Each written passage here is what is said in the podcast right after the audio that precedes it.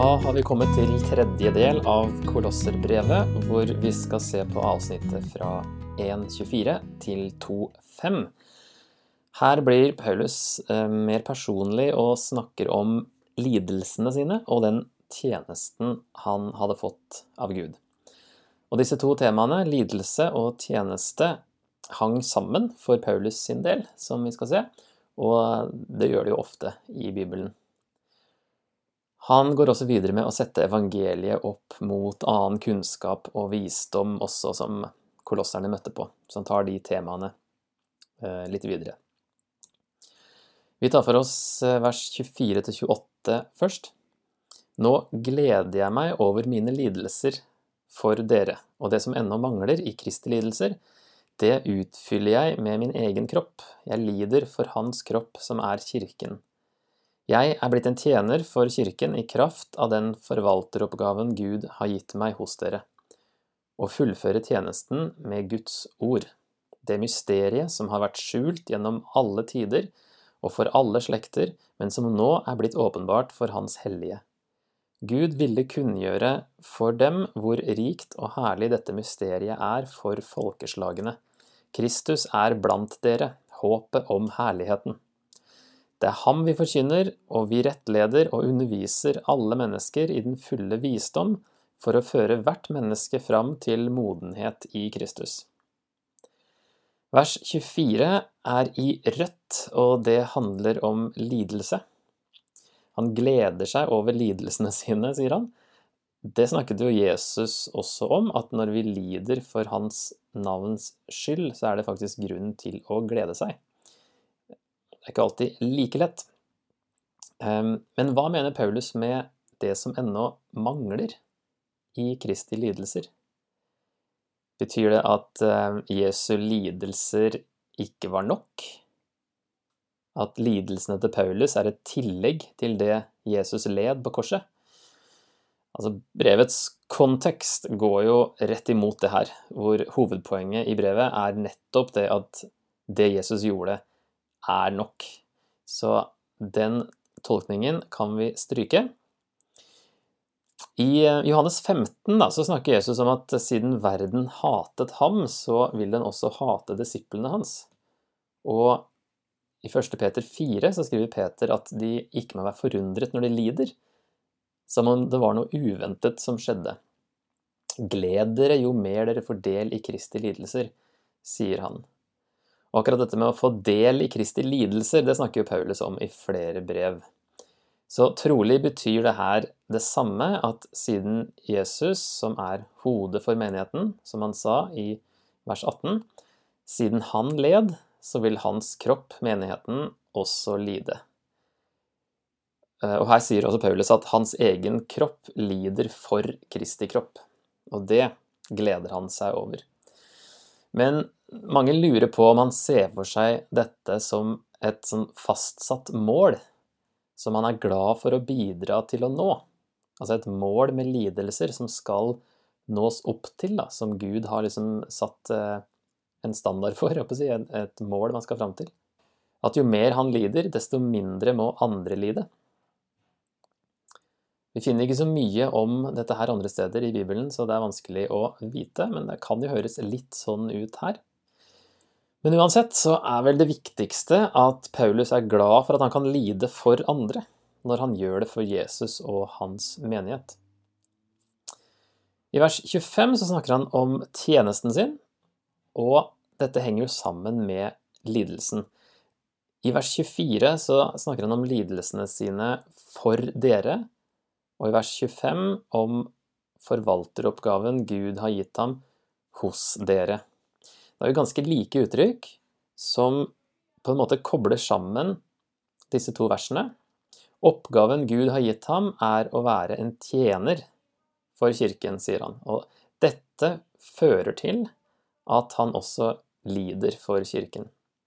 Ligger jo egentlig i ordet tjener, som han kaller seg.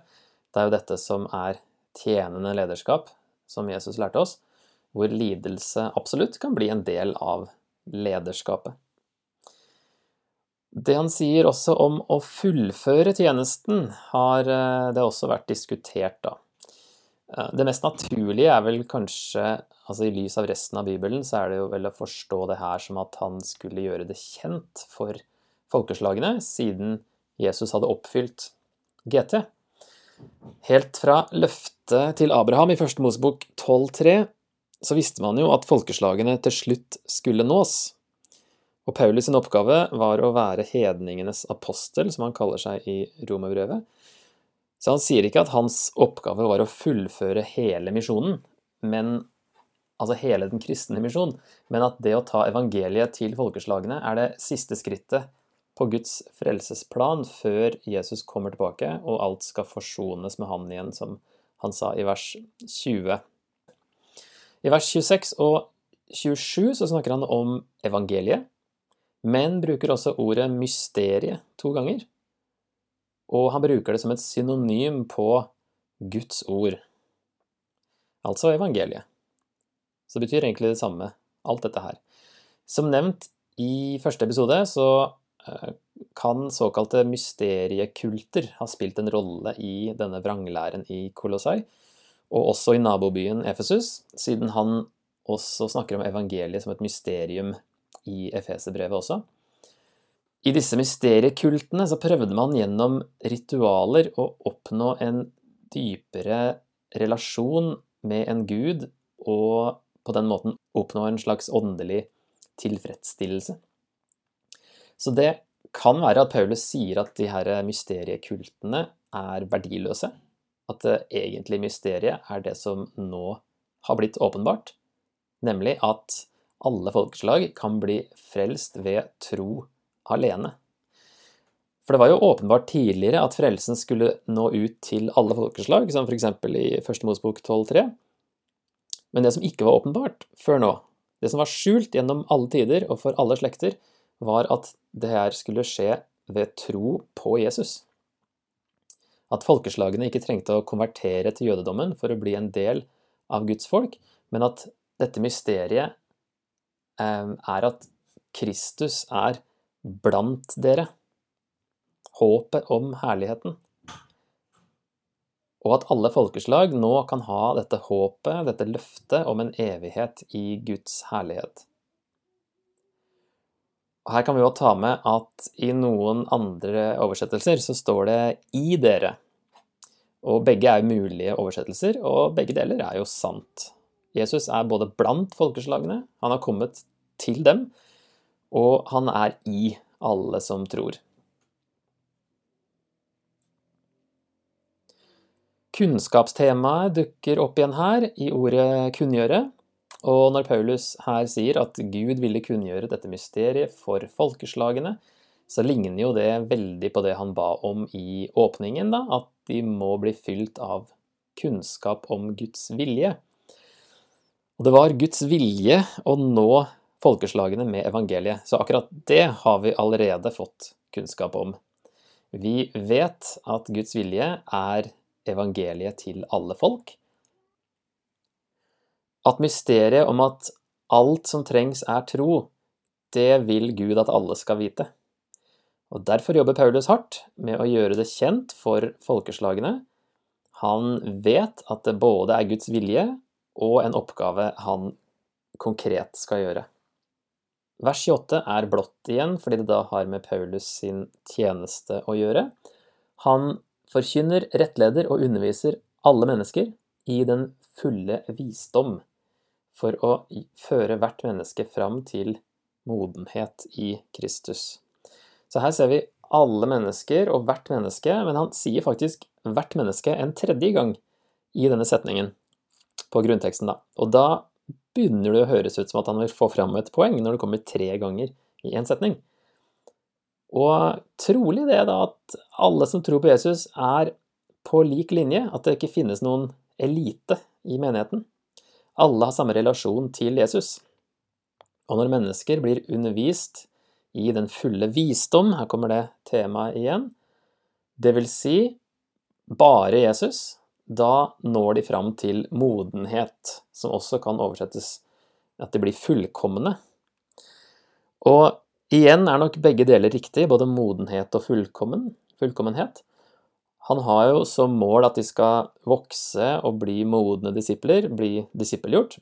Mens det ultimate målet er jo selvfølgelig at de skal nå fram til fullkommenheten, altså den som inntreffer når Jesus kommer tilbake og gjør alt nytt. Så fort det blir Jesus pluss noe, pluss noe som helst, uansett hva det er, så er det ikke så universelt lenger.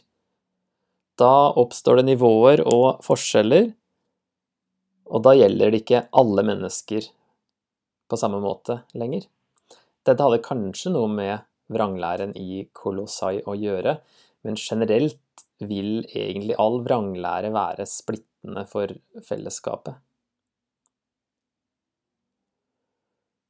Så videre fra vers 29. For å nå dette målet arbeider og kjemper jeg i Hans kraft, den som virker i meg med styrke. Jeg vil at dere skal vite hvor hardt jeg kjemper for dere, og for dem i Laudikea, og for alle de andre som ikke har møtt meg ansikt til ansikt. Jeg ønsker at de skal få nytt mot i hjertet, bli knyttet sammen i kjærlighet, og få hele rikdommen av overbevisning og innsikt, så de kan fatte Guds mysterium som er Kristus. For i ham er alle visdommens og kunnskapens skatter skjult til stede. Dette sier jeg for at ingen skal lure dere med sine overtalelseskunster. For selv om jeg ikke er hos dere med kroppen, er jeg hos dere i ånden, og jeg er glad for å se den orden som rår hos dere, og den fasthet dere viser i troen på Kristus. Så de er ikke helt uh, ute å kjøre ennå, da. Men det trues av denne vranglæren her. Så her fortsetter Paulus å snakke om eh, tjenesten sin, og spesielt hvor hardt han arbeider og kjemper, også for kolosserne og de andre i det området her, som han ikke har møtt ennå. Han uh, arbeider og står på så mye at det nok også kan kalles litt lidelse. Men han sier han kjemper i Guds kraft. Og i 1.11 ba han om at Gud skulle gi kolosserne styrke, så de alltid er utholdende og tålmodige. Så han lever i dette her selv, da. Men hva tenker han på når han da snakker om å kjempe for dem, hvor, altså han kjemper hardt for dem? Så er det jo det i hvert fall at han ber, han skriver brev, og han har omtanke for deres åndelige tilstand og vekst. Og i vers 28, da, forrige vers, så sa han at målet er å føre alle fram til modenhet i Kristus. Det er det han jobber for, og det mens han selv sitter i fengsel.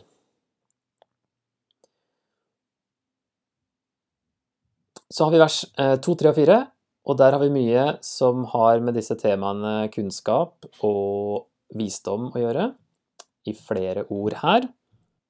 Overbevisning, innsikt, fatte, visdom, kunnskap og overtalelseskunster.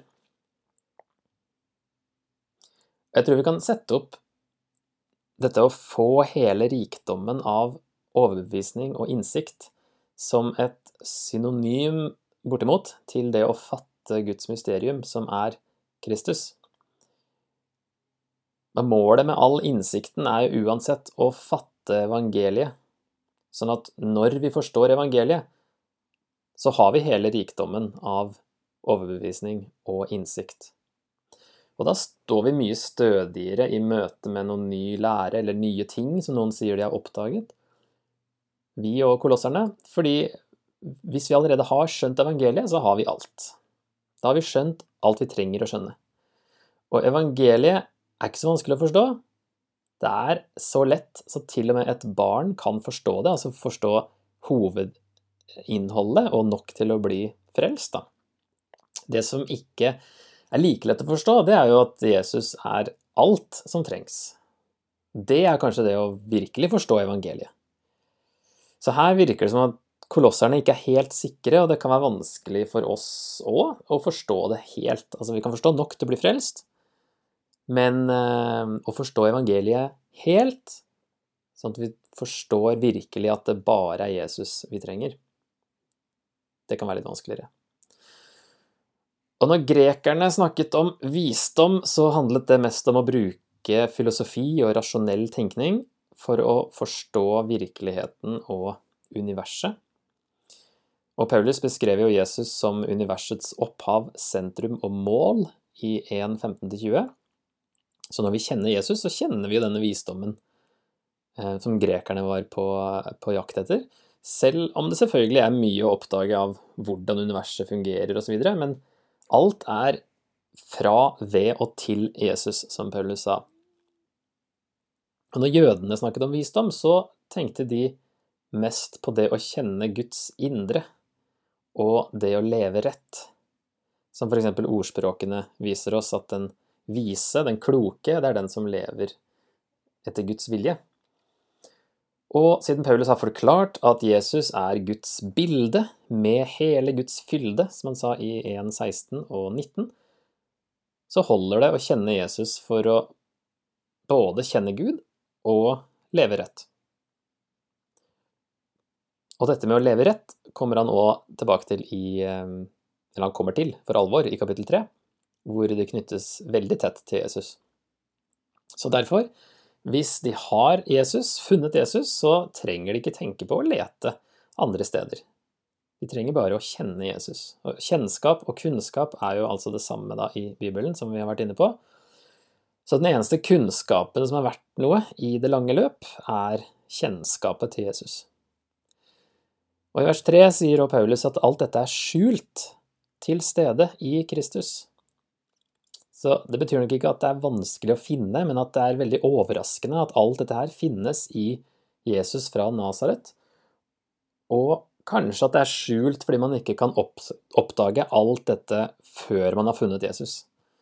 Man finner Jesus først, og der er all, alle kunnskapens og visdommens skatter skjult til stede. Så til slutt tenkte jeg å ta dette med lidelse og kunnskap og visdom videre til noen spørsmål. Med en litt irriterende fargekombinasjon. Eh, men det første spørsmålet under temaet kunnskap og visdom er er det noe av evangeliet du ikke helt forstår? Hvordan kan du stå stødigere?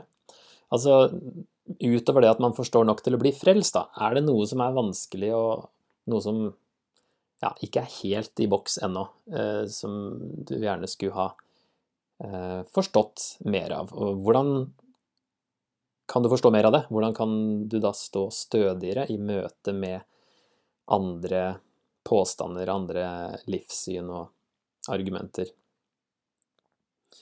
Og et spørsmål til. Vi vet at Guds vilje er at evangeliet skal ut til alle. Hvem kan du forklare dette mysteriet til? Hva trenger du for å gjøre det? Og under temaet lidelse Jesus sa vi skulle fryde oss når vi lider for hans skyld. Selv om Paulus sitter i fengsel, klarer han å glede seg over lidelsene sine. Hva sier dette deg om Paulus sin glede?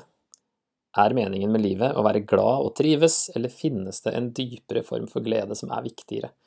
Det er jo et litt ledende spørsmål, men det her traff meg litt ekstra da jeg jobba med dette her.